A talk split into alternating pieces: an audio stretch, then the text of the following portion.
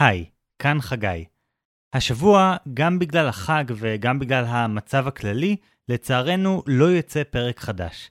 אז החלטנו לבחור את אחד הפרקים החביבים עלינו מהארכיון ולהעלות אותו לשידור חוזר. ובחרנו בפרק 8 שלנו, סרט טוב זה כמו עוגת גבינה. זה פרק ששנינו מאוד אוהבים, ולחלקכם אולי עדיין לא יצא לשמוע אותו. בכל מקרה, בעוד שבוע וחצי, נחזור ללוח השידורים הרגיל שלנו, עם פרק מיוחד שבו נארח את מיכאל גורודין, כותב הבלוג מורה לא מחנך, כדי לענות ביחד על שאלה חדשה, איך מורה יכול לתקן את מערכת החינוך? בינתיים, מקווים שתהנו מהשידור החוזר של פרק 8 שלנו, ומאחלים לכם שגרה נעימה.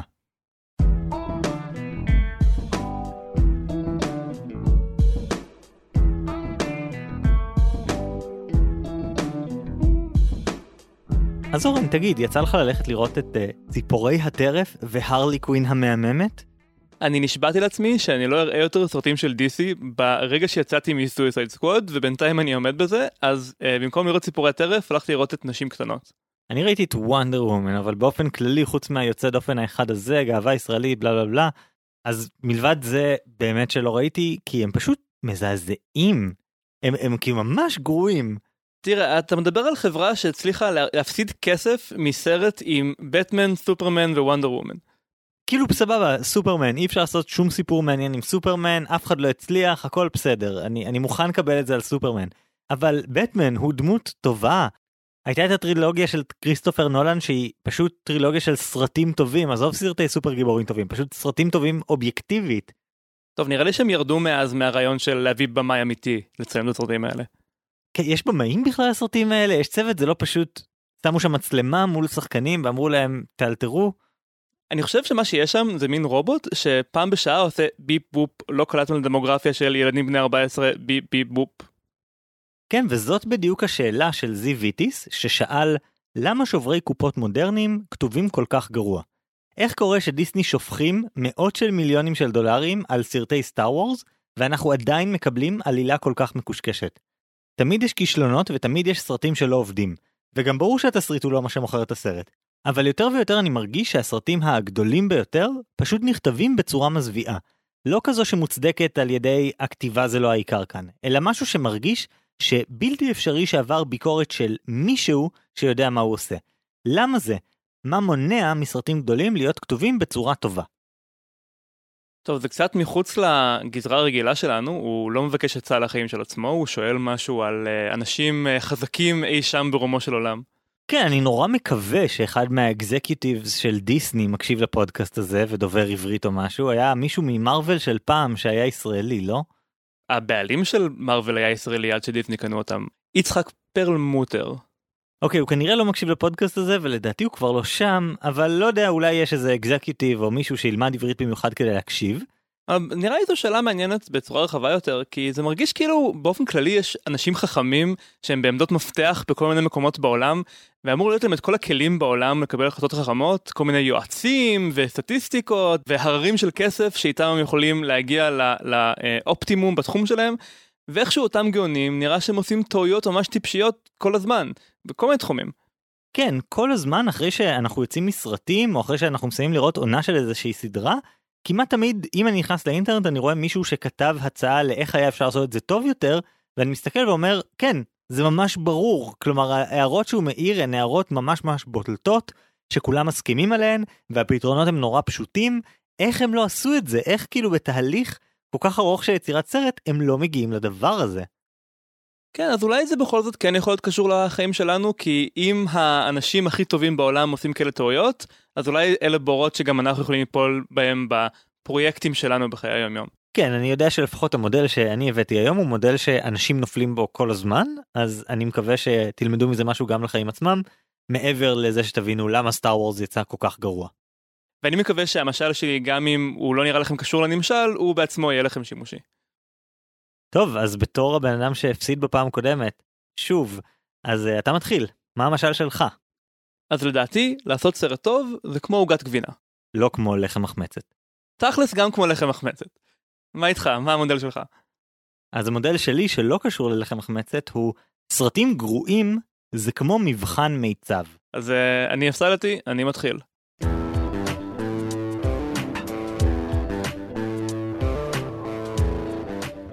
זיו, אני מבין את התסכול שלך.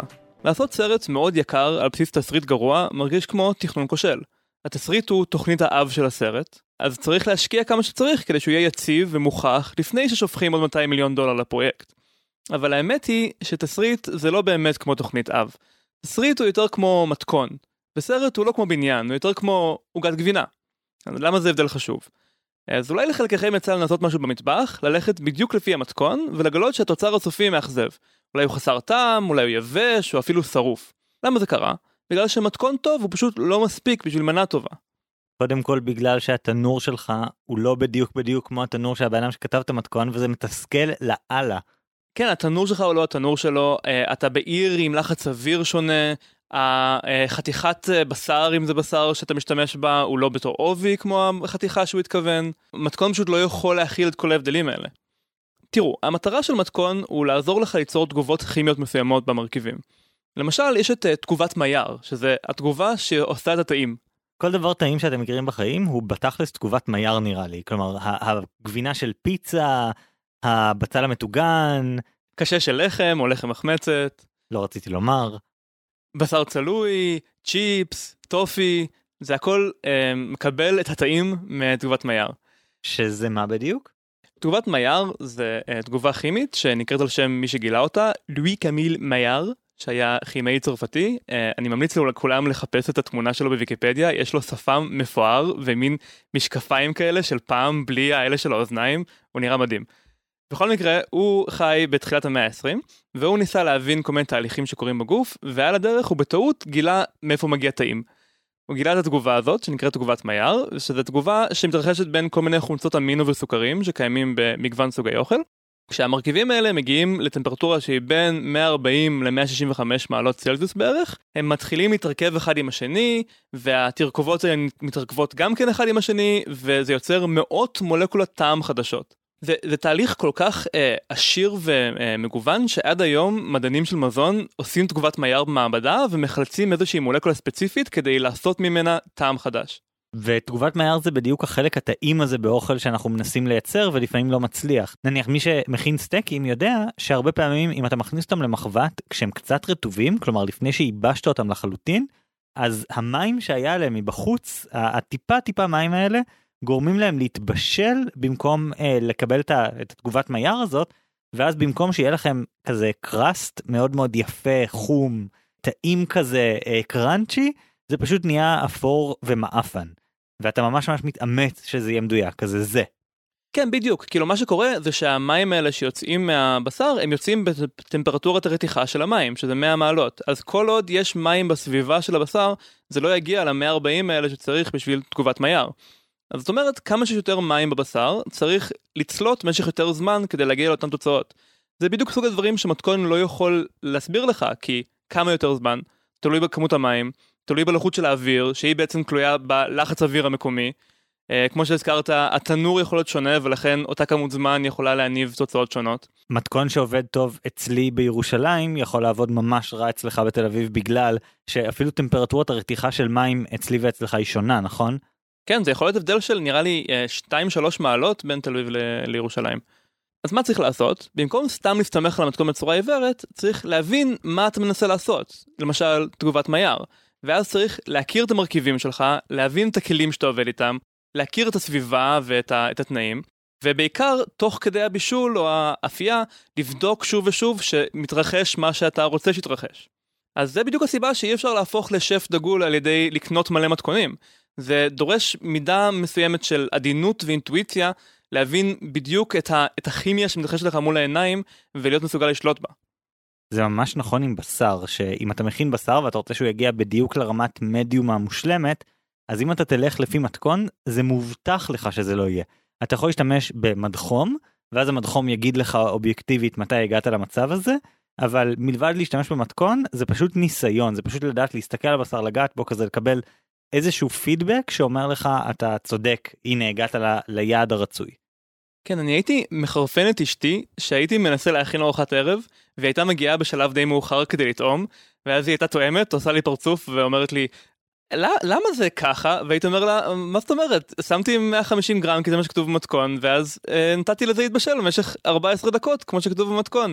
והיא הייתה נותנת לי מין מבט כזה, של בן אדם שיודע לבשל מגיל 6, ורק לאחרונה אני הפנמתי מה היא בדיוק ניסתה להגיד לי. אחרי שקראתי אה, ספר בנושא, אגב, זה, הזכרתי את זה כבר בספרי השנה שלנו, אה, Salt Fat Acid Heat של סמין נוסרת, שהוא קצת דיבר אליי ל, ללב החנוני שלי והסביר את זה במונחים של כימיה ופיזיקה וכאלה, והוא הצליח אה, להבהיר לי שלפעמים ללכת בדיוק לפי ההוראות זה לא הדבר החכם לעשות.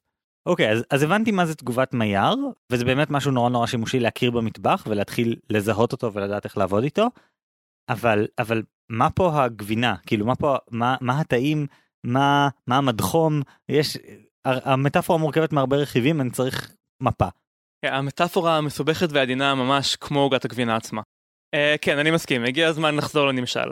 אז uh, כמו שתגובת מייר דורשת איזון עדין בין טמפרטורה, לחץ אוויר וזמן, אבל כשהיא עובדת היא יוצרת מין התפוצצות פלאית של מאות סוגי טעם, ככה גם סרטים צריכים להתאזן בעדינות בין מימדים שונים כדי להצליח. זה, זה מתחיל מדברים פשוטים, למשל אה, תקציב מול איכות. אז אם יש איזה משהו שלא בדיוק עובד, ואפשר לפתור אותו עם עוד 5 מיליון דולר על CGI, אז האם זה המקום הנכון להשקיע, או שעדיף לחסוך את הכסף כי זה לא באמת מורגש, ולשים אותו במקום אחר. אה, איזון בין רגשות לא נעימים לבין רגשות טובים. מה זאת אומרת? כאילו סרט שהוא אה, רק כיפי והכל בו טוב, זה סרט לתינוקות, נכון? מצד שני, אם זה סרט שובר קופות כזה של הקיץ, אז אנחנו כן רוצים לצאת עם תחושה טובה. אז צריך את האיזון הנכון בין uh, לפחד על הדמויות, uh, להזדעזע, לבין uh, בסוף כן לצאת עם התחושה, התחושה החיובית. כאילו אחרת זה כמו לאכול רק סוכר, בלי שום טעם נוסף, זה חד-ממדי כזה. כן, בדיוק, כאילו, ולמצוא את האיזון הזה זה, זה אומנות, זה, זה לא כל כך פשוט, ואין ממש מתכון לזה. ואולי האיזון הכי חשוב והכי עדין, זה האיזון בין המוכר לחדש. סרט שובר קופות טוב הוא צריך שיהיה לו אה, מין תחושה כזו של מוכרות וחמימות שאתה מרגיש בבית בסרט הזה והוא מחבק אותך. ומצד שני אתה צריך להתרגש ולהיות מופתע ולהרגיש שזה משהו שאף פעם לא ראית קודם. אז זה מין כזה כמעט סתירה לעשות את שני הדברים בו זמנית.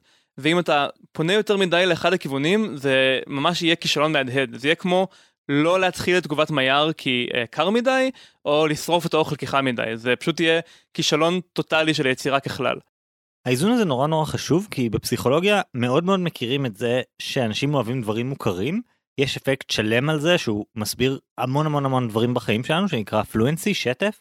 ככל שמשהו יותר מוכר ועובר יותר בקלות במערכת הקוגניטיבית שלנו הוא נראה לנו יותר כיף טוב יפה כל כל מילה חיובית שאפשר לומר אז כזה.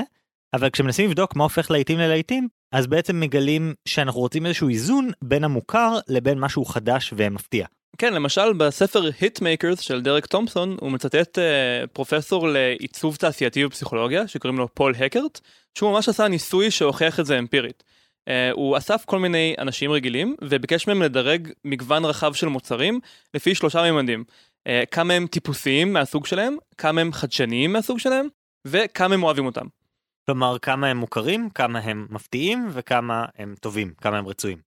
כן, בדיוק. ומה שיצא זה שלא היה שום קשר סטטיסטי בין המוכרות לבין הטיב, וגם לא בין החדשנות לבין הטיב, אלא רק האינטראקציה בין החדשנות לבין המוכרות היא זו שיכלה לנבא את הטיב שהאנשים יראו במוצר הזה. בדיוק, אז כשאנחנו צריכים משהו חדש, אנחנו צריכים שהוא יהיה גם מוכר וגם חדש. Star Wars המקורי לצורך העניין, הוא היה חדש בטירוף מבחינת האפקטים, שאגב יצרו מלא מלא הדים בכל תעשיית הקולנוע והטלוויזיה, כי וואו איזה אפקטים מדהימים. אבל הוא גם היה נורא מוכר כי הוא היה בפורמט סטנדרטי של סרטי מערבונים וסיפורים קלאסיים כמו מסע הגיבור כל הדברים האלה. המעצב התעשייתי המפורסם אה, ריימונד לואי קרא לזה מאיה שזה ראשי תיבות באנגלית most advanced yet acceptable כלומר משהו שהוא uh, acceptable כלומר מספיק דומה למה שאנשים מבינים אבל advanced כלומר חדש. אז כמו שתגובת מייר, כשהיא מגיעה בדיוק לנקודה הזאת של הטמפרטורה המסוימת, אז נוצר כל הקסם הזה, וזה מה שאנחנו קוראים לו טעים. אז מאיה, כמו מייר, אה, זה הנקודת האיזון המושלמת בין המוכר והחדש, שיוצר את הקסם הקולנועי שאנחנו מחפשים אותו. אבל אני מנסה להבין מה, מה העצה פה, כי נראה לי שנורא קל להגיד, יש נקודת איזון מושלמת, כן? כמו זהבה ושלושת הדובים כזה, בדיוק בדיוק אה, רך במידה הנכונה, בדיוק חם במידה הנכונה, כל הדברים האלה. אבל זה העניין שאנחנו מגלים שהסרטים לא מגיעים לשם הם או מסובכים מדי ומוזרים מדי או גרועים ממש פשוט מוכרים ולעוסים ולא מחדשים ואתה פשוט יוצא מהקולנוע מתוסכל וכזה אוף למה בזבזתי על זה את הזמן שלי. אז מה עושים אם אתה עכשיו מנהל סטודיו מה אתה עושה כדי לייצר את התגובה הזאת. חלק ממה שאני אומר הוא שזה קשה. אה, זה גם עוד יותר קשה בסרטים לעומת מטבח. כלומר, במטבח שף יכול ללמוד להכיר את המטבח שלו ולעשות את כל התיקונים האלה שדיברנו עליהם, ובפעם העשירית שהוא עושה את אותה מנה, כנראה שכבר יהיה מקוייל והוא יעשה תגובת מייר וזה יהיה משהו שראוי להגיש לאורחים. אבל אם לוקחים כאן את, ה, אמ, את האנלוגיה לקולנוע, אז במקרה של סרט, הנוף התרבותי או המטבח שלהם הוא משתנה כל הזמן. כל סרט שיוצא, כל סרט גדול לפחות, ממש משנה את התנאים. מעלה או מוריד את הלחץ אוויר לצורך העניין. אה, אז אין שום סיכוי להיות מקוייל. כל פנקייק שאתה מכין הוא הפנקייק הראשון שאתה שם על המחבת כדי לגלות אם זה יצא שרוף או לא. וזה אומר שבעצם אין ברירה אלא לבדוק את התוצר תוך כדי שהוא מתבשל ולנסות להבין אם אתה יותר מדי בכיוון אחד או בכיוון השני. זו הסיבה שהשוברי קופות עוברים כל כך הרבה סבבים של כתיבה מחדש של התסריט. היוצרים של השוברי קופות יודעים שזה פוגע באיכות של התסריט. הם יודעים שהגרסה החמישית של התסריט, שנכתבת תוך שבוע, כשהסטים כבר בנויים וכל הצוות מחכה להם, הם יודעים שזה לא הולך לצאת איזה ספרות זולה או איזה רשת חברתית. אבל התיקונים האלה הם נדרשים, כי כנראה שהיוצרים של הסרט זיהו שבאחד המדדים האלה, של uh, חדש מול מוכר, של uh, רגשות לא נעימים מול רגשות טובים, הם גילו שאנחנו יצאנו מהאיזון הנכון, ולכן אין מנוס מאשר לתקן את המתכון תוך כדי ריצה. אז דיאלוג חלש, או צירופי מקרים מופרכים, הם כל הבעיות האלה שזיו כנראה רומז עליהם, הם מחיר ששווה לשלם כדי להימנע ממצב שהסרט יוצא גרוע ברמה היותר גלובלית, שהוא יוצא צפוי מדי, או מוזר מדי, או מדכא מדי, או קוליל מדי, או הכי גרוע, יקר מדי. אבל אני חושב שזה בדיוק מה שהופך את הסרט לפחות טוב. כלומר, כשאתה רואה סרט שהוא ערימת טלאים, שהוא פשוט ניסיון לסמן וי על הרבה הרבה דברים, והוא לא טוב. כלומר, אתה אולי משחק נכון באיזה שהם איזונים, או יש לך איזה מדד שבו אתה הגעת לשלמות, אבל הסרט לא טוב, הסרט הוא לא חזון מקורי, הוא, הוא התרחק משם, הוא הפך להיות איזה אוסף של צ'קבוקסים. אני מסכים איתך במידה מסוימת, אה, במיוחד כשהתיקונים מגיעים בשלב מאוחר, כשהצילומים כבר התחילו, אז באמת מרגיש כמו טלאים, כי אפשר לראות שהסרט היה כבר במסלול מסוים, ואז משכו אותו באלימות לכיוון אחר. אז אני חושב שהעצה שלי למקומות כמו דיסני, זה לעשות את התהליך הזה בשלב מוקדם יותר ולהתקדם לאט. תסתכלו למשל על ג'יימס קמרון. ג'יימס קמרון הוא במאי שעושה סרט פעם בעשר שנים, אבל כשהסרט הזה יוצא הוא טיטניק, או שהוא אבטאר, כלומר הסרט הכי מרוויח בכל הזמנים. עכשיו, אני גם מאוד אוהב את הסרטים שלו, אבל כרגע אני מדבר נטו ברמה הכספית, ג'יימס קמרון יודע מה הוא עושה. ואיך הוא עובד? הוא מפתח סרט בצורה מאוד איטית, הוא מתכנן המון בשלב ה pre-production, לפני שמתחילים הצילומים, והוא בדרך כלל מפתח טכנולוגיות חדשות שהן ספציפיות לחזון שהוא רוצה ליצור, וכשמגיעים לסט, כבר אין צורך לעשות את כל התיקונים האלה הלוך ושוב, כי הוא כבר עשה את כל החשיבה הזאת, הוא כבר עבד עם כל המומחים לתחומים השונים, והוא כבר נעול על המסלול שיביא אותו בדיוק לאיזונים הנכונים. אז זה נכון שאולי הסרט טיפה יידחה, אבל זה שווה את זה כשהסרט ירוויח פי שתיים ויניב הרבה יותר סרטי המשך. אבל אבטאר זה סרט לא טוב. זה סרט 2.7 מיליארד דולר של טוב. כן, אבל הוא סרט לא טוב. אני, שוב, הוא לא טוב, הוא סרט בינוני מינוס. הוא סרט לא נעים לצפייה באיזשהו קטע של העלילה שלו מטומטמת והכל די דבילי ובסופו של דבר הוא הצליח כי הוא היה תלת ממד הוא היה spectacle אנשים הלכו לזה כמו שהם הולכים ללונה פארק זה אותו דבר בדיוק הם הלכו ללונה פארק בקולנוע בזול יותר. קודם כל אני לא מוכן לקבל את ההעלבה הזו כלפי לונה פארק לונה פארק זה נפלא ואם אני יכול ללכת לקולנוע ולקבל חוויה של לונה פארק אני אישית מאוד מרוצה. אבל מעבר לזה ג'יימס קמרון ידע שהוא עושה פה סרט ממש חדשני מבחינת הוויזואלי. בדיוק כמו סטאר וורס. הוא יצר עלילה שהיא פשוטה, שהיא תספק את העיגון במוכר, כדי שאנחנו נצא למסע המטורף הזה בפלנטה חדשה עם יצורים כחולים הזויים שיש להם זנב מאחורי הראש. אה, אני חושב שג'יימס קרמון ידע בדיוק מה הוא עושה, אולי אתה אישית לא אוהב את זה, אני אישית כן אוהב את זה, וזה מרוויח מלא כסף, אז אני חושב שזה מוכיח את עצמו. עובדתית בעולם אני לא חושב שאני מכיר בן אדם אחד שיכול לתאר לי איזושהי סצנה ספציפית מאבטאר או משפט אחד ספציפי. כלומר כולם זוכרים שהיו דברים כחולים והיו רובוטים והם שמרו על הטבע או משהו אבל אף אחד לא זוכר מה היה זה סרט פשוט לגמרי לגמרי שכיח מלבד וואו זה יפה. תראה, אנחנו מדברים, מדברים פה על סרטי franchise. אף אחד לא נכנס לראות את סוניק או את Avengers uh, 7 בציפייה שהוא יקבל חוויה שהוא בחיים לא קיבל קודם ושזה ישנה לו את החיים. אם אתה רוצה לראות סרט שיישאר איתך, שיש בו דיאלוג גאוני וסצנות טובות, אתה יכול לראות למשל את הסרט שתיקה של מרטין סקורסזה. זה סרט שהגיע ישר מהתשוקה העמוקה של הבמאי, הוא עבד עליו 25 שנה, הוא דחף לעשות אותו למרות שכולם לא האמינו לו שזה ירוויח כסף, ובסוף הוא הצליח, וזה סרט באמת מדהים, אבל הוא הפסיד כסף לסטודיו שעשה אותו. עכשיו, אני לא אומר שלא ראוי לעשות כאלה סרטים, אבל לא על זה זיו שאל. אני גם חושב שזיו ורבים מאיתנו לא תמיד רוצים לקבל את החוויה של סרט כמו שתיקה, או הסנדק, או 12 שנות עבדות. לפעמים אנחנו רוצים משהו שהוא באמת כאילו קליל וכיפי והוא כמו לונה פארק, ואני חושב שזה לגיטימי לחלוטין, וגם את זה, למרות שזה כביכול קל יותר, הרבה פעמים אנחנו לא מקבלים. אז אני חושב שזה מספיק קשה לעשות את זה. אוקיי, okay, אני מסכים שאם זה הדבר שאתה רוצה לייצר, אז סבבה, אפשר לעשות את זה עם התהליך הזה שאתה מציע, אבל זה מה שאתה רוצה? אתה רוצה מוצר טוב? אתה חושב שפשוט מוצר שמוכר מלא מלא כרטיסים, זה המדד? זה הדרך לדעת שסרט הוא טוב? אנחנו פשוט רוצים ספקטקל, משהו נורא נורא מגניב עם מלא אורות מהבהבים בקולנוע? תראה, כשאני הולך לנשים קטנות לצורך העניין, או האירי, אז אני באמת רוצה איזושהי חוויה נורא ייחודית ספציפית של איזשהו יוצר מסוים, ואני פתוח לחוויות שונות. כשאני הולך לסרט שהוא יותר כמו מותג, כשאני הולך למלחמת הכוכבים או כשאני הולך לדיסי, אז אני רוצה לדעת שזה מלוטש ושזה משופשף ושזה סוג של מושלם. הדרך היחידה להגיע לחוויה הזו שהיא כן, היא חוויה של כמו לונה פארק, זה באמת שהאנשים המעורבים כל הזמן יבדקו שזה בדיוק על הנקודה הנכונה, שיהיו מקצוענים של תחומים שונים, מקצוענים של סאונד, מקצוענים של תפאורה, אבל גם אה, מקצוענים אולי אפילו מתחום העסקים, שיודעים מה אה, קוסם לקבוצות דמוגרפיות שונות, וזה הדרך על ידי תיקונים תוך כדי ועל ידי עבודת צוות משותפת של סטודיו שלם, להגיע למשהו שבעצם אי אפשר לקבל בשום מקום אחר חוץ מהוליווד. כלומר, סרט שהוא נורא אישי ומשמעותי, אני יכול לקבל גם מהקולנוע הישראלי או הקוריאני או כל מקום בעולם. אבל את החוויית לונה פארק המטורפת הזאת אפשר לקבל רק מסרט של 200 מיליון דולר שיש לו איזשהו מותג מפורסם בכל העולם ושהוא הופק בלוס אנג'לס. ואני רוצה את זה, כאילו אני חושב שכולם רוצים את זה מדי פעם. אני חושב שאם אתה כל הזמן פותח שוב ושוב את התנור כדי לראות מה מצב העוגה, אם אתה כל הזמן חותך את הבשר לראות מה מצבו, אם אתה עושה את הדברים האלה, אז נכון שלאט לאט אתה תבין מה הנקודות שצריך לעצור בהן, אבל את המנה הספציפית זה יהרוס, כי אתה תדפוק אותה, כי אתה תהרוס אותה בעצם הבדיקה. והדבר היותר גרוע מזה זה שאנחנו מדמיינים שיש לנו איזה מדד שבאמת אומר לנו מה המצב של המוצר הזה. אנחנו יכולים לבדוק מה חושבות על זה נשים בנות 35 עד 50, אנחנו יכולים לעשות את זה.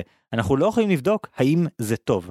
תהליך הבדיקה הזה, התהליך הזה של לחזור לזה שוב ושוב, התהליך של לבדוק את זה מול כל מיני מדדים, של לנסות לסמן צ'ק על מלא מלא דברים שאתה רוצה להספיק, זאת בדיוק הבעיה, הבעיה שאנחנו מנסים לפתור. משם מגיעות הבעיות של התעשייה הזאת.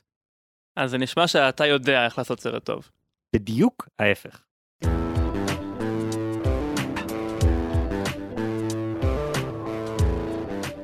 אז זיו, אני חושב שהבעיה טמונה במשפט הראשון של השאלה שלך. דיסני שופכים מאות מיליוני דולרים על הסרט, ומכאן והלאה הכל מידרדר. כי כשאתה עושה משהו בתקציב כל כך גדול, אתה מתחיל לפחד. זה הרי הימור גדול, ואתה רוצה תשואה טובה על ההימור הזאת, אתה רוצה שהוא ירוויח לך הרבה כסף. אז אתה מנסה לוודא שזה יעבוד, ואז אתה מתחיל לחפש כל מיני סימנים ומדדים לזה שהסרט הולך להיות סרט טוב. אבל מאיפה מגיעים כל הסימנים האלה? מסרטים קודמים שעשית. נניח בוא נדמיין את הנתונים שיש לדיסני. הם בטח יודעים שהקהל שלהם ממש אוהב את הדמויות הישנות של Star Wars, את לוק סקייווקר, את Princess Leia, האן סולו, פלפטין, הדמויות האלה. הם גם יודעים שהקהל שלהם אוהב כשיש רובוט קטן וחמוד על המסך, אז הם מוסיפים אחד כזה בכל סרט. הם יודעים שהקהל שלהם רוצה סצנה רומנטית. אה, הם יודעים שהקהל רוצה איזושהי סצנה של תהפוכה דרמטית, מישהו שעובר צד או משהו כזה. אז מה הם עושים? הם עושים בדיוק את מה שאתה אומר להם. הם כל הזמן מנסים לוודא שבסרט שלהם יהיו את כל הדברים האלה, הם פשוט מנסים לעבור אחד-אחד ולסמן וי. ויש בדבר הזה שתי בעיות. הבעיה הראשונה היא שכל הנתונים האלה מגיעים מהעבר. הם מציגים דברים שעבדו, אבל בעבר, בסרטים קודמים, ואין לנו מושג אם בדיוק הדברים האלה יעבדו שוב, או אם הפעם הם דווקא ייכשלו. והבעיה השנייה היא שברגע שיש נתונים כאלה ומדדים כאלה, אנחנו ננסה לבנות את הסרט החדש שלנו פשוט כדי לסמן וי על כל הדברים האלה, ולא ננסה לעשות סרט טוב שעל הדרך מסמן וי על כל הדברים האלה. חגי, זה קצת נשמע כאילו אתה מנסה להגיד שלאנשים שעושים סרטים אין מושג בסרטים. כאילו, אלה לא אנשים שהרגע עברו מאיזה חברת מכוניות או משהו. זה נכון שאולי הם, יש להם כל מיני מדדים ספציפיים שהם מנסים למלא, אבל הם מקצוענים. יש להם אינטואיציה, יש להם ניסיון, הם לא הגיעו אתמול לתחום הזה.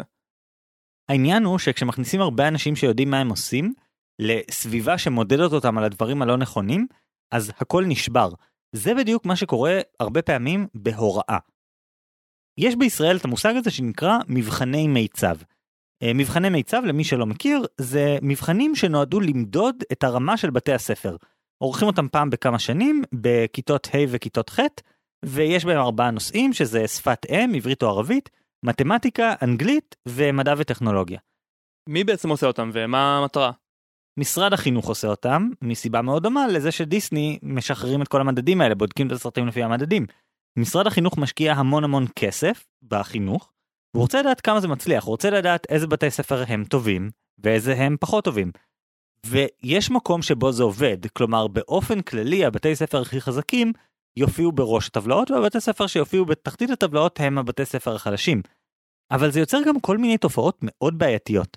נגיד, יש תופעה כזו שהרבה בתי ספר מקדישים שבועות שלמים להכנה למבחן עצמו, במקום ללמד את החומר, במקום ללמד למידה משמעותית יותר. הם מקדישים משאבים מוגזמים לשכבות ה' וח', השכבות שנבחנות במבחנים האלה, והם משקיעים פחות בשכבות האחרות. ובעצם מה קורה? משרד החינוך מנסה לייצר ודאות באמצעות מדד, ואז כל המערכת מתכווננת כדי לקבל ציון גבוה במדד. במקום לנסות להעניק חינוך טוב ככל הניתן, שאחת הדרכים לזהות אותו היא באמצעות תוצאות טובות במבחן, בתי הספר מנסים להשיג תוצאות טובות במבחן בלי שיהיה להם אכפת מאיכות החינוך באופן כללי. אז אפשר להשיג תוצאות טובות ממבחן מיצב בלי להבין בנושאים שזה בודק, כמו מתמטיקה? זה נשמע לי קצת uh, סתירה. העניין הוא שאנחנו לומדים דברים שהם לא רק ארבעת הנושאים של מיצב, ודבר שני, אפשר להשתפר מאוד במבחן מיצב באמצעות לעשות עוד ועוד מבחנים. אבל אז אתה לא לומד את הדברים המהותיים יותר, אתה לא לומד ספרות ולשון, אלא אתה לומד אוצר מילים. תחשוב על המבחן פסיכומטרי שלך. אתה שיננת מלא מלא מילים שנועדו לבדוק את הידיעה שלך בעברית, מה שזה נועד לבדוק במקור זה האם אתה בן אדם שקורא הרבה ויש לו שפה עשירה, מה שזה בודק בפועל זה מה מערכת היחסים שלך עם המילון הענקי הזה שאתה משנן לפסיכומטרי. אני מבין מה אתה אומר, אז uh, בעצם אתה אומר שדיסני ינסו למקסם את המדדים של uh, מכיל את הנסיכה לאה ואת המדד של מכיל גיבור שופך הנבל ולהפך, במקום את הדבר שיותר קשה למדוד שזה לעשות סרט טוב. אתה לא ראית את פרק 9 של סטאר וורס נכון? כי תיארת אותו עכשיו. כן נכון, אה, בהמלצתך, כמו שלא ראיתי את האירי, בהמלצתך גם את זה לא ראיתי. ויש סיבה, אתה לא מפספס שום דבר. אבל בוא שנייה נתמקד בבעיה. באופן כללי יותר, לבעיה הזאת קוראים overfitting, או בעברית התאמת יתר. זאת בעיה בסטטיסטיקה ובלמידת מכונה, שהיא מתרחשת כשאנחנו בונים איזשהו מודל, כדי לנסות להסביר או לנבא איזושהי תופעה.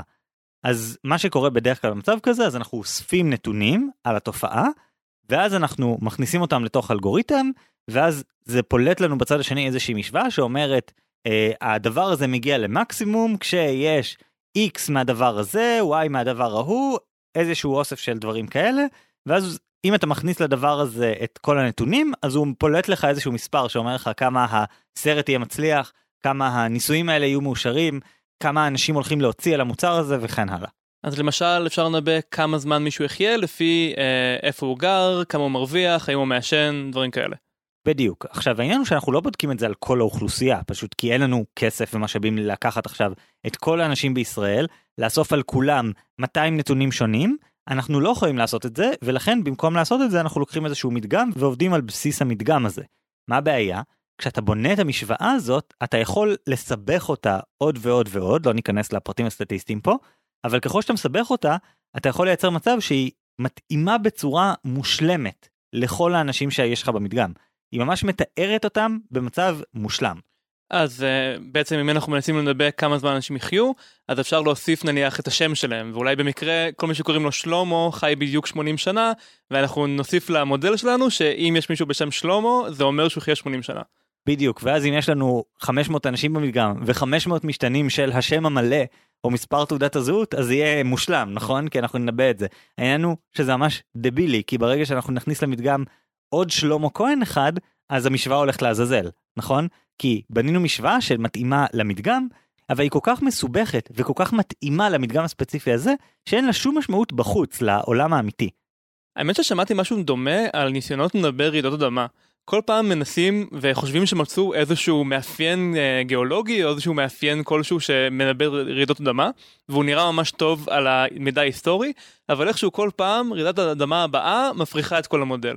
זאת בדיוק התאמת יתר יש לנו אחלה מודל שמסביר את הנתונים אבל הוא לא מסביר את המציאות כי התייחסנו לזה כאילו הנתונים הם הם המציאות.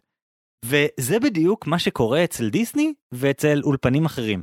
הם בונים איזושהי נוסחה על בסיס סרטים קודמים, ואז הם מנסים להתאים לנוסחה הזאת. הבעיה היא שהנוסחה היא רק מדד, היא רק משהו שמייצג בערך באופן כללי משהו שהוא כנראה סרט טוב, אבל זה לא אומר שאם תסמן וי על כל הדברים בנוסחה, אז יצא סרט טוב. וזה לא רק עם שוברי קופות הוליוודים, זה לא רק עם להכניס רובוט קטן וחמוד חדש לסטאר וורס 9, זה גם קורה בצד השני, זה קורה בסרטי אוסקר. מה זה סרט אוסקר?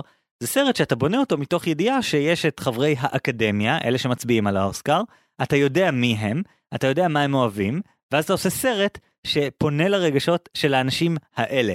והוא יוצא סרט לפעמים נורא נורא גרוע, אבל הוא מנגן לאקדמיה על כל המקומות הנכונים, ואז הם תומכים בו ומצביעים לו. כן, האקדמיה אוהבת סרטים על הוליווד, והאקדמיה אוהבת סרטים על אנשים לבנים שמצילים מיעוטים שונים ומראים שלבנים זה בעצם בסדר. בדיוק, כל מיני סרטים על במאים ועל כותבים ועל שחקנים, והיה עכשיו את הסרט הזה של טרנטינו שהוא בדיוק על כמה שפעלולים זה מגניב ולעשות סרטים זה מגניב, ומה שהוא לא עושה טוב זה להראות כמה אורחים זה מגניב. כן, למרות שדווקא השנה האקדמיה שברו את הרצף ונתנו את הפרס הראשי למשהו ממש לא צפוי, לפרסייט.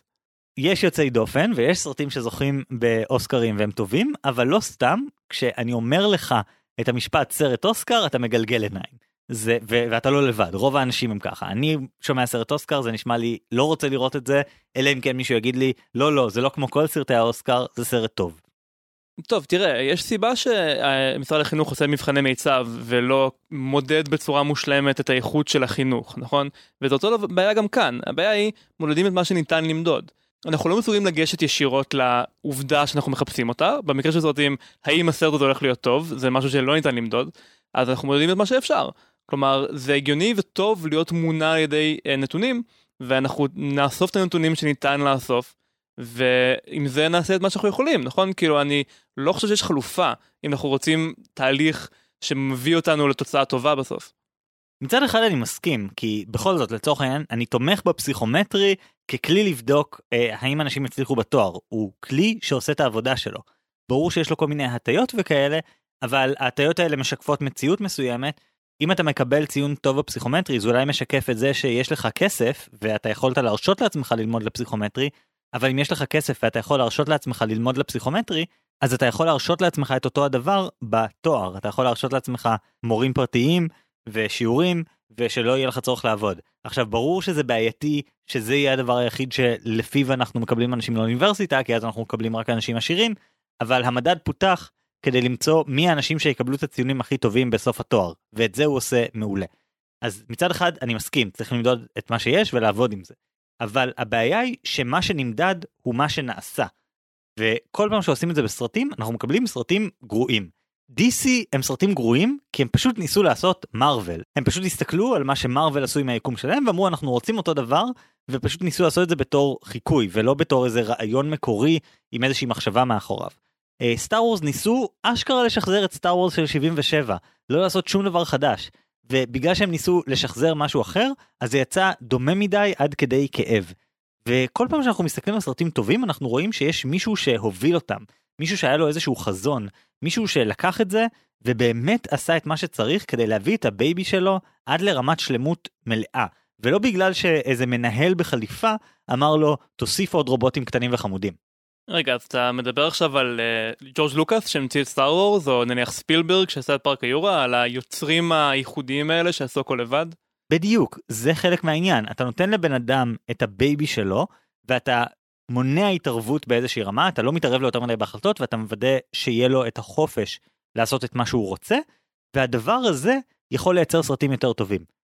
אני חושב שאתה קצת אה, לוקה כאן במה שקוראים לו בהיסטוריה אה, תיאוריית האדם הגדול, כאילו שיש איזה שהם יחידי סגולה שהם היחידים שקובעים וחשובים בהיסטוריה.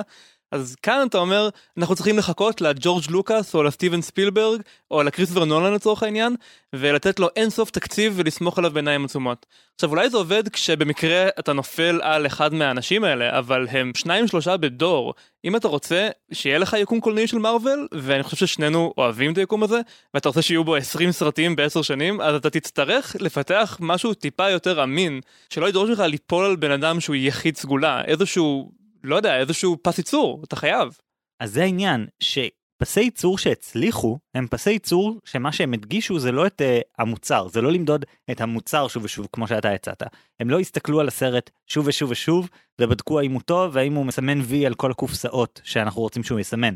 הם יצרו תהליך טוב, תהליך שהם סומכים עליו ומאמינים בו, וברגע שהתהליך טוב ומודדים את התהליך ולא את התוצאות, אז זה עובד הרבה יותר טוב. יש שתי דוגמאות לאולפנים גדולים שבאופן שיטתי מוציאים סרטים טובים.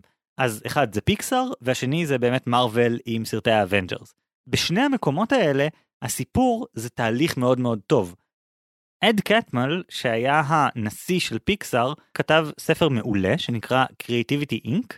שבספר הזה הוא מסביר את התהליכים של פיקסאר ואיך התהליכים מייצרים סרטים טובים ואחד הדברים שהוא הדגיש בהם זה שיש את האיום של המפלצת, The Beast. הוא אומר שכשפיקסאר התאחדו עם דיסני, אז כולם חשבו שהתהליך שלהם הולך להיפגם, כי פתאום כל הסרטים יעשו לפי הפס ייצור הקר והרע של דיסני. דיסני הייתה בכמה שנים מאוד לא טובות אז. והם חשבו שזה מה שיקרה לפיקסאר, שפשוט יתחילו להכיל את כל הרעיונות שלהם to the beast. והחיה הזאת, שמנסה לקלוע לדמוגרפיות ולסמן וי על כל הקופסאות, כמו שאתה הצעת, החיה הזאת תהרוס להם את הסרטים.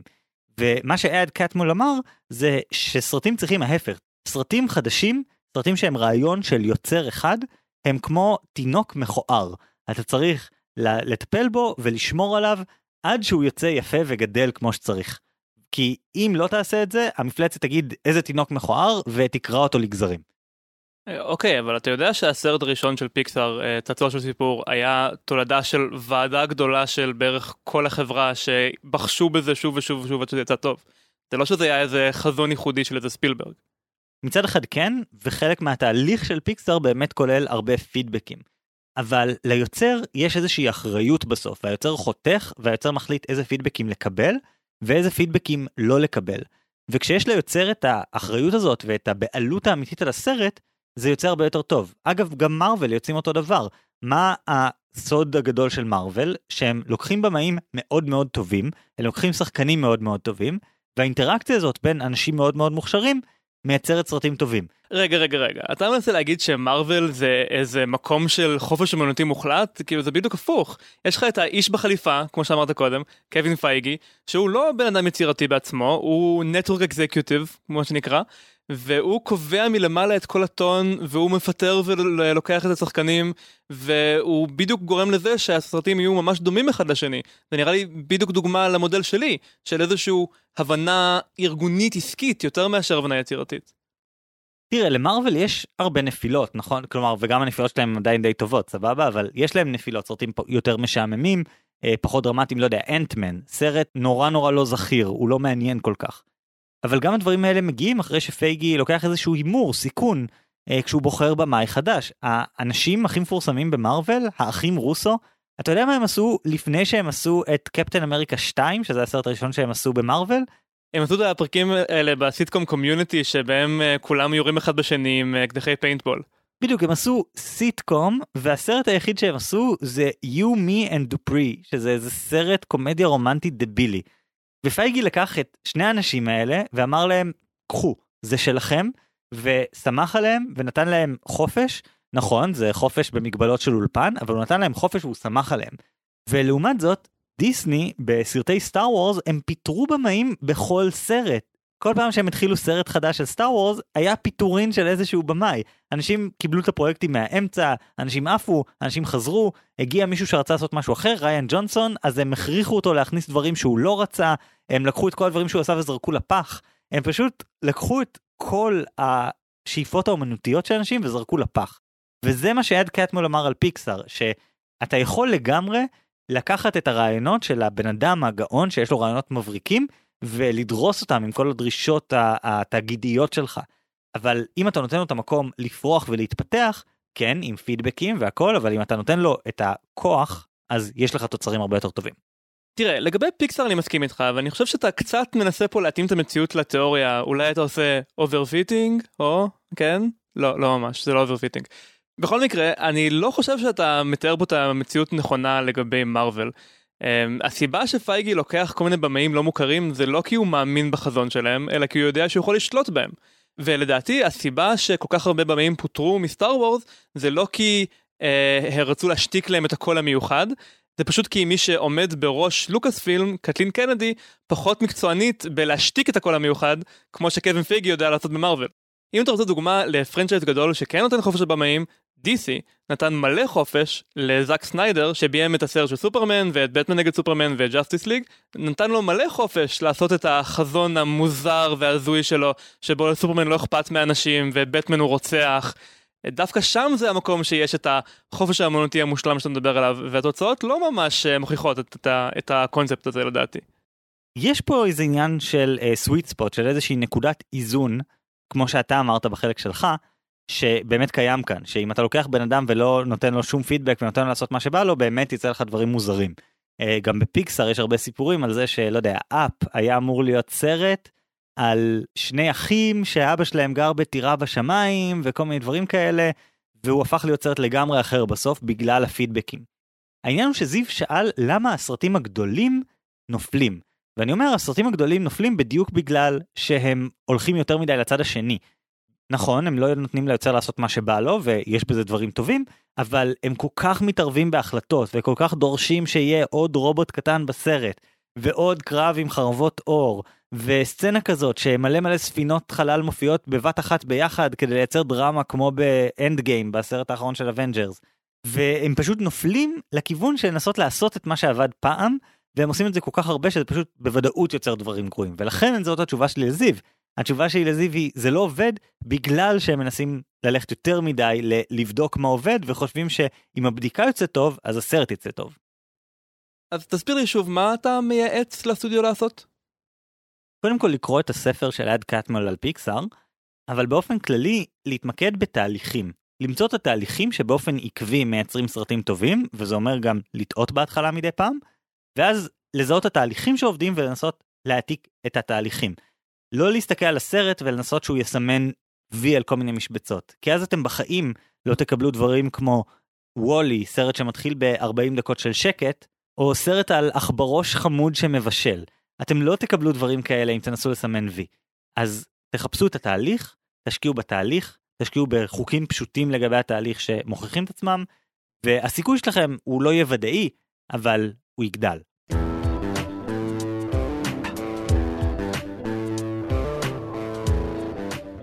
אז בעצם אפשר להגיד בקצרה שאתה מודאג מ-overfitting, שזה לחשוב יותר מדי על הסיטואציה הספציפית שמולנו, ולכן אתה רוצה שכל העבודה על התהליך של הסרט תקרה בכלל בלי קשר לסרט המסוים שעובדים עליו.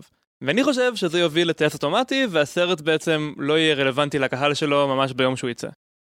אתה אומר שכמו שבמטבח צריך כל הזמן לטעום תוך כדי עבודה ולתקן את המתכון לפי הנסיבות, אז אתה רוצה שיהיו תיקונים בזמן אמת, תוך כדי עבודה, על כל סרט. אתם רוצה שהיוצרים יפקפקו בתהליך היצירתי שלהם כל הזמן, ובעצם יבדקו ויתקנו וישפצו את כל התהליך בפרטים קטנים. ואני חושב שאם יוצרים ילכו עם זה עד הסוף, אז כל רעיון חדשני פשוט ימות באופן מיידי לפני שהוא קיבל איזושהי הזדמנות להתמודד עם העולם, ואנחנו נקבל עוד ועוד סרטים גרועים, משעממים וצפויים מאליהם. טוב, אני מבין שאנחנו מאוד דרמטיים היום, מזל שלא אנחנו אלה שנכריע, אלא אתם בבית. עוד יומיים יעלה לעמוד פייסבוק שלנו הסקר, שבו אתם תחליטו מי יותר צודק, חגי ומבחני המיצב, או אני ועוגת הגבינה. אישית אני יודע שאני מעדיף עוגת גבינה על פני מבחן, אז... Uh... בכל מקרה, אני בטוח שבפעם הבאה שתלכו לקולנוע ותראו סרט גרוע, אתם תראו את הטביעות אצבע של שני הדברים שדיברנו עליהם בכל סרט וסרט. אתם תוכלו ממש לראות מה הרס אותו ואיך הוא נהרס ולמה אתם לא נהנים. יש אנשים שאומרים שזה מוציא את הכיף מסרטים טובים. אני חושב שזה מכניס את הכיף לסרטים גרועים. אז תנסו את זה בעצמכם ותגידו לנו איך היה. ובכל מקרה, כמו תמיד, אנחנו מזמינים אתכם לעקוב אחרינו בפייסבוק, אה, לשתף אותנו עם חברים שלכם ולדרג אותנו באייטיון, זה ממש עוזר לנו. וכמובן אם אתם רוצים לקבל השוואות משלכם אצלכם במשרד אצלכם בבית יש טופס להזמנת הרצאות בהערות הפרק בעמוד הפייסבוק שלנו ממש נשמח לראות אתכם. תודה על ההאזנה, אני אורן ברנשטיין. אני חגי אלקיים שלם. ונתראה בפעם הבאה עם השוואות חדשות.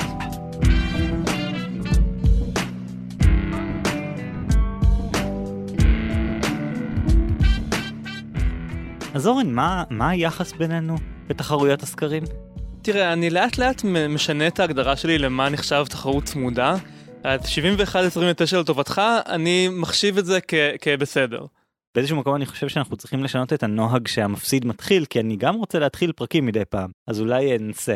אה, אבל כאמור 71% מכם הסכמתם איתי שהאינטרנט הוא הצגה שלא נגמרת, ו-29% הסכימו עם אורן שהאינטרנט הוא מקום שלישי. הייתה הערה שם של אסף נודלר שכתב שניסוח הסקר לא אובייקטיבי, כשבאחת האפשרויות כתוב שלקבוע גבולות זה בריא, וזו השאלה עצמה, כלומר שהניסוח מוטה.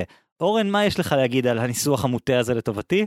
אה, האמת היא שאני כתבתי את זה ככה, ואסף נודר צודק לחלוטין שאני ממש יריתי לעצמי ברגל.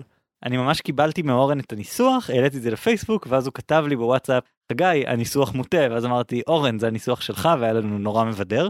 אולי בפעם הבאה אני בתור הפסיכומטריקן מבין שנינו אכתוב את הניסוחים. טוב, לפחות איזושהי סיבה למה הפסדתי, זה תמיד ביניכם.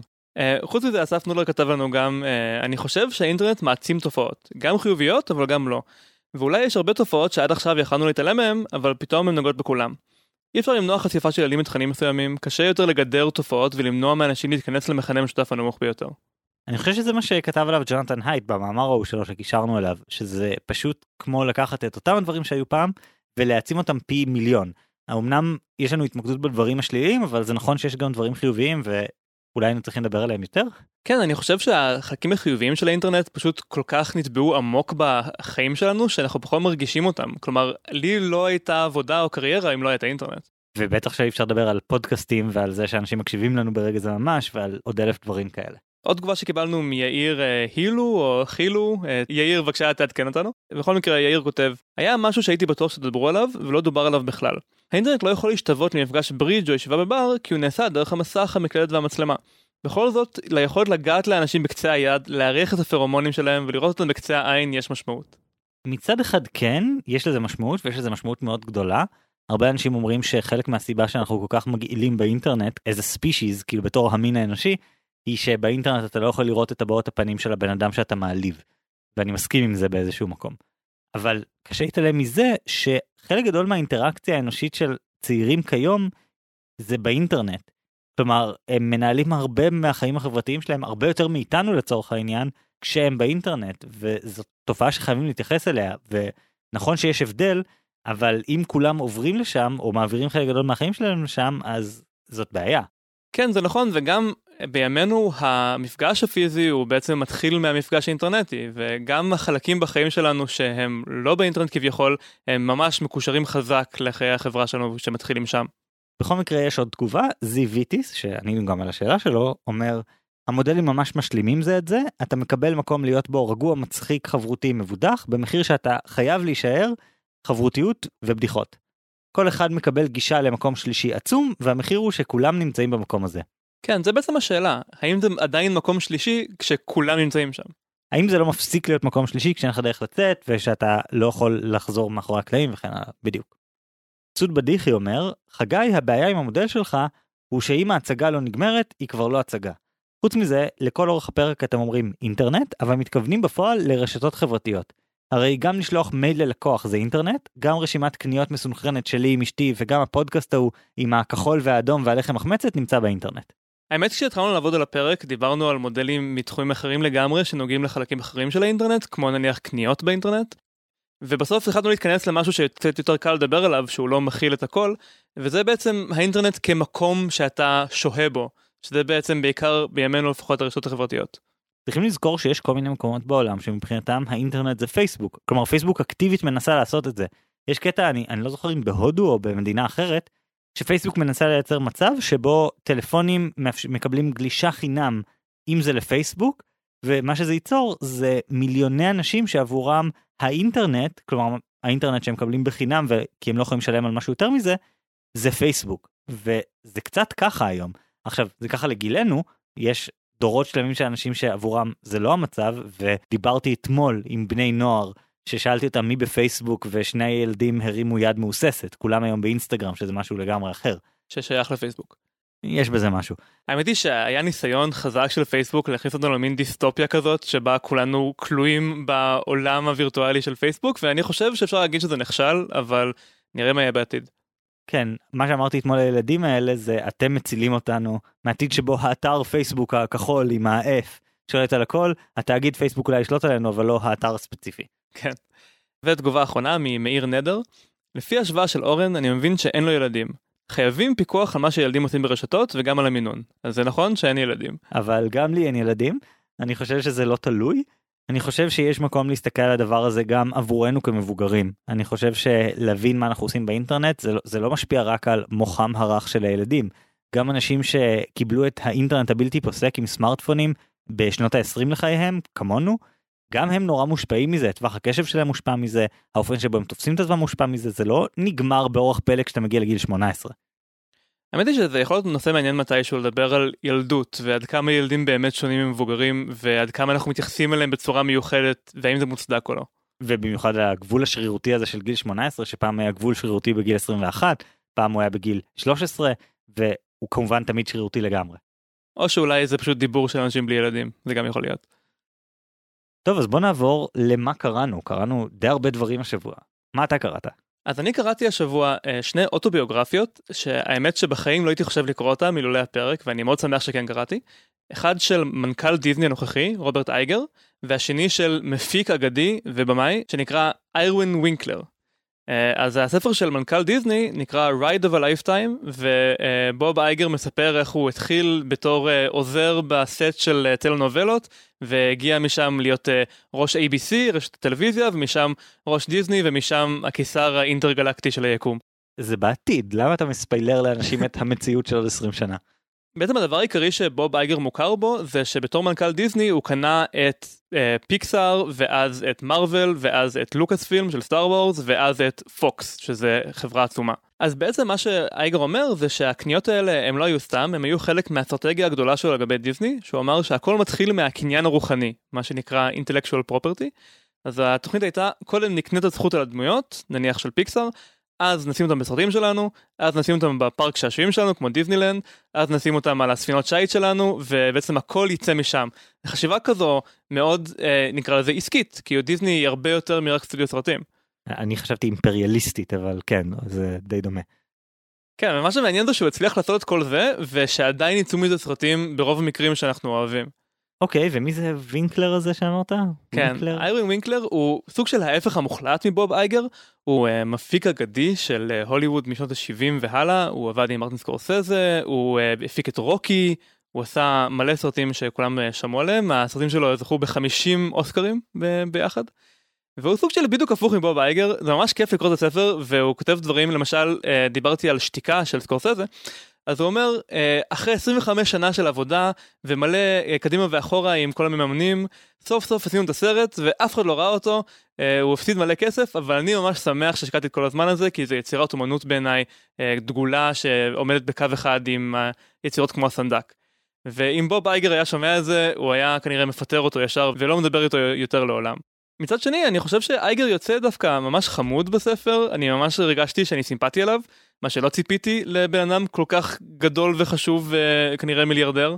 היא לאורך הספר הוא כותב על העקרונות הובלה שלו, שזה משהו שבדרך כלל דושים נוראים כותבים, אבל הפעם דווקא התחברתי. הוא כותב דברים כמו אופטימיות, להיות אופטימי ולגרום לאנשים שתחתיך להאמין שדברים הם אפשריים. אה, להיות הגון ובטוח ולהודות בטעויות. אה, ולתת גיבוי למי שמתחתיך. ואני חושב שהוא באמת הוא לא אושייה יצירתית בשום צורה, אבל בגלל שהוא נותן את הכוח לאנשים שהוא מאמין בהם וסומך עליהם ויש לו טעם טוב באנשים, אז בסוף זה יותר טוב. אתה אומר שהוא משקיע בתהליך ובאנשים ולכן יוצא לו טוב? הוא משקיע בתהליך ובאנשים שבמקרה של פיקסאר זה משהו אחד במקרה של מרוויל זה משהו די שונה ובסופו של דבר מי שלא מביא את הסחורה הוא מפטר אותו. זהו אז הספר של אד קטמל קריאיטיביטי אינק שאני קראתי לפרק הזה הוא מאוד דומה מהבחינה הזאת אד קטמול גם בן אדם שהיה מעורב בפיקסאר משלבים מאוד ראשונים הוא לא מנכ"ל כאילו המנכ"ל היה סטיב ג'ובס ואז לדעתי היו אחרים אבל הוא כן היה מעורב מאוד בחברה. וגם הוא מתאר מלא מלא דברים של תהליכים והוא מדבר על סטטיסטיקה והוא מדבר על כל מיני דברים כאלה של איך להתעסק בניהול של דבר כזה. וזה דבר שהוא בדרך כלל מרתיע בספרים כרגיל ספרי ניהול כאלה מעצבנים לאללה אבל קודם כל הסיפורים שלו מאוד מאוד טובים אתה זה מחבר את זה תמיד לסרטים שאנחנו מכירים ואוהבים וזה מאוד עוזר וגם העצות שלו מהניסיון שלי בארגונים ובניהול ארגונים הן מאוד מאוד מועילות. זה עצות באמת באמת טובות. אז סתם דוגמה הוא מדבר על איך לא לרדוף אנשים על הטעויות שלהם. הייתה איזושהי טעות שכמעט מחקו את כל טוי סטורי 2 בסוף שנות ה-90 כלומר מישהו אשכרה מחק את כל ה... לא יודע כמה ג'יגות של תוכן של הסרט בלילה אחד והמערכת גיבוי כשלה באותו זמן ורק במזל בגלל שאחת המנהלות שם הייתה בחופשת לידה קודם והיא לקחה את הסרטים הביתה ובעצם יצרה גיבוי על מחשב אצלה בבית אז במזל היה להם גיבוי. והם גילו את הדבר הזה ואז הם פשוט לא בדקו מי עשה את זה כי הם חשבו שזה לא מועיל.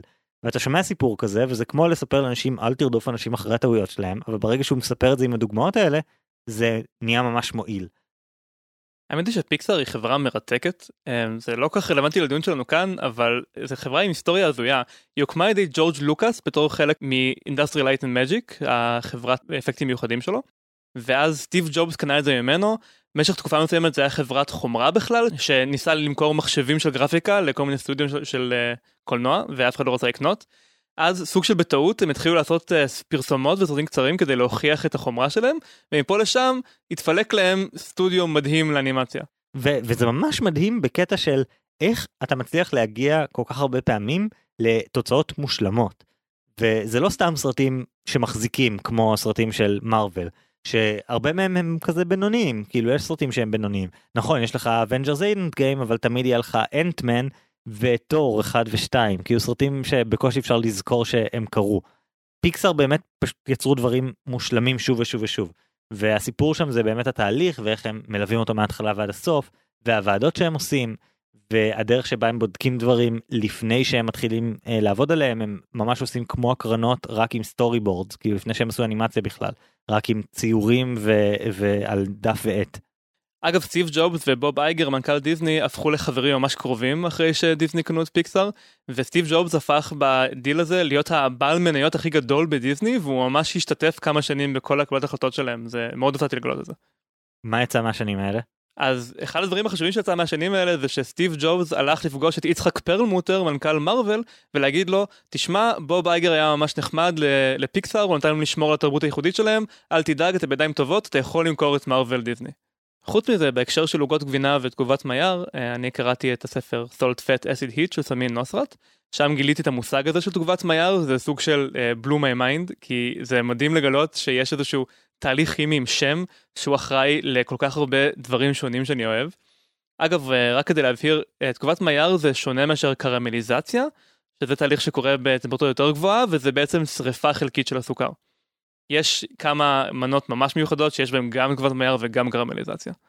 אני חושב שאם נתקלת במושג הזה לראשונה בספר של סמין נוסרת אז אתה לא מספיק רואה יוטיוב בישולים כי יוטיוב בישולים ואפייה וכל הדברים האלה זה, זה חוזר כל הזמן והם כזה this is the my yard reaction והם כזה תמיד מסבירים את זה מאפס גם אם אתה רואה עשרה סרטונים של אותו בן אדם. אתה מדבר על Binging with Babish נכון? לא רק Binging with Babish גם בון אפטיט עוד מקומות כאלה כאילו יש כל ערוץ יוטיוב באיזשהו מקום יגיע לדבר הזה אם הוא עוסק באפייה כי זה כל כך מהותי לא רק אפייה בישול כל, כל הדברים שמכינים אוכל זה כל כך מהותי.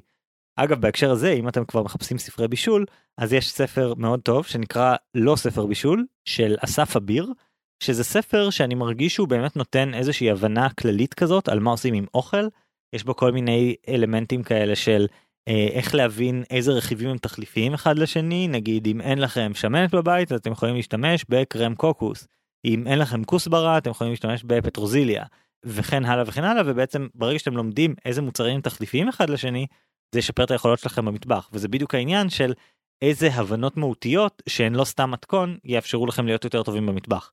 והוא ממש מסדר את זה בטבלאות וזה זה מאוד מאוד שימושי. כן, אני מודה שאני רגיל לראות בכל מיני מתכונים אה, את השיר בתנור עד שזה בצבע זהב חום ופשוט אף פעם לא שאלתי את עצמי מה זה הזהב חום הזה למה הוא חשוב ומאיפה הוא בעצם מגיע. חוץ מזה עוד uh, מקור אחרון קצת uh, מביך לפרק של היום. ראיתי סרטון יוטיוב שבה מישהי מקריאה תסריט שלפי השמועות היה אמור להיות התסריט של סטאר וורס 9 לפני שפיטרו את הבמאי קולין טרבורו והביאו במקומו את ג'יי ג'יי אברמס. עכשיו קשה להגיד אם זה תסריט אמיתי או לא אבל זה נחמד סתם בתור כזה ניסוי מחשבתי לשמוע את התסריט ולנסות לדמיין איך הסרט היה יוצא. והמסקנה העיקרית שלי זה שהתסריט הזה הוא כל כך הרבה יותר מתסריט. כלומר כל משפט שם הוא בעצם רשימת דרישות מטורפת לתפאורנים ואנשי תלבושות ואנשי סאונד ויכול להיות מצב שקולין טרבורו ישב בבית כתב איזה משהו כמו הוא פוגש מפלצת עם שלושה ראשים. ואז עשרות אנשים ישקיעו מיליוני דולרים בלפתח את היצור הזה ובסוף חודשים אחר כך מישהו יושב באיזה חדר הקרנות ויגיד וואי זה לא עובד.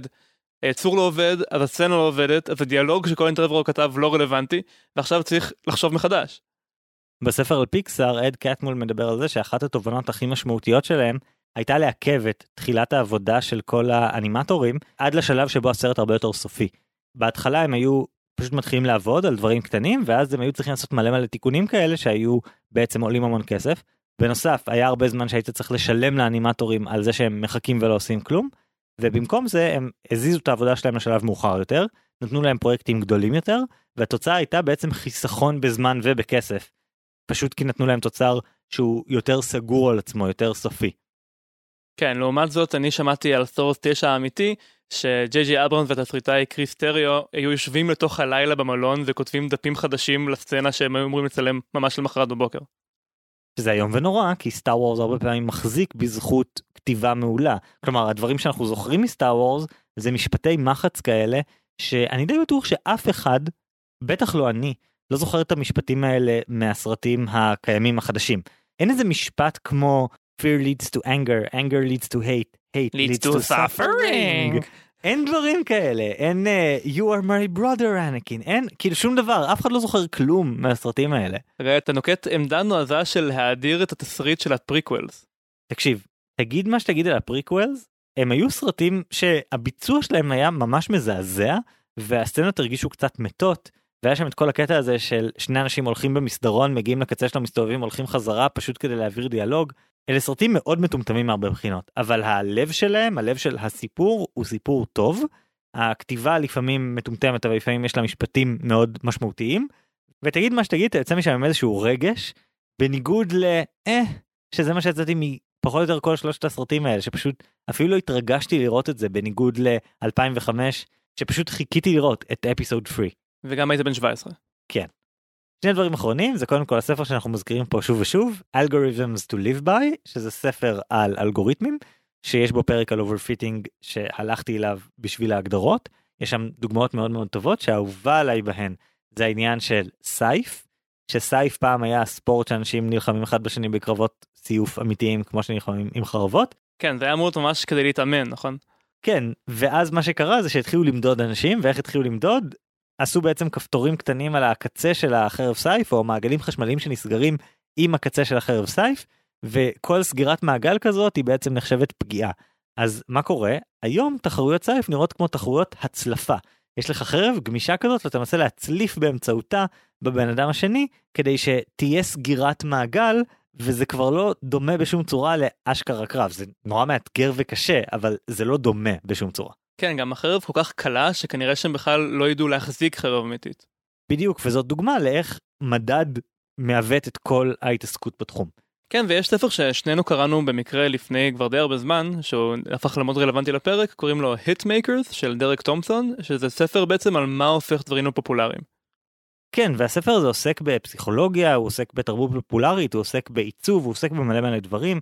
יש פה פרק ממש ממש מבדר על איך שכל דבר, כל משפט שנאמר, אם נעשה עליו פליי מספיק פעמים, הוא יתחיל להישמע כמו מוזיקה.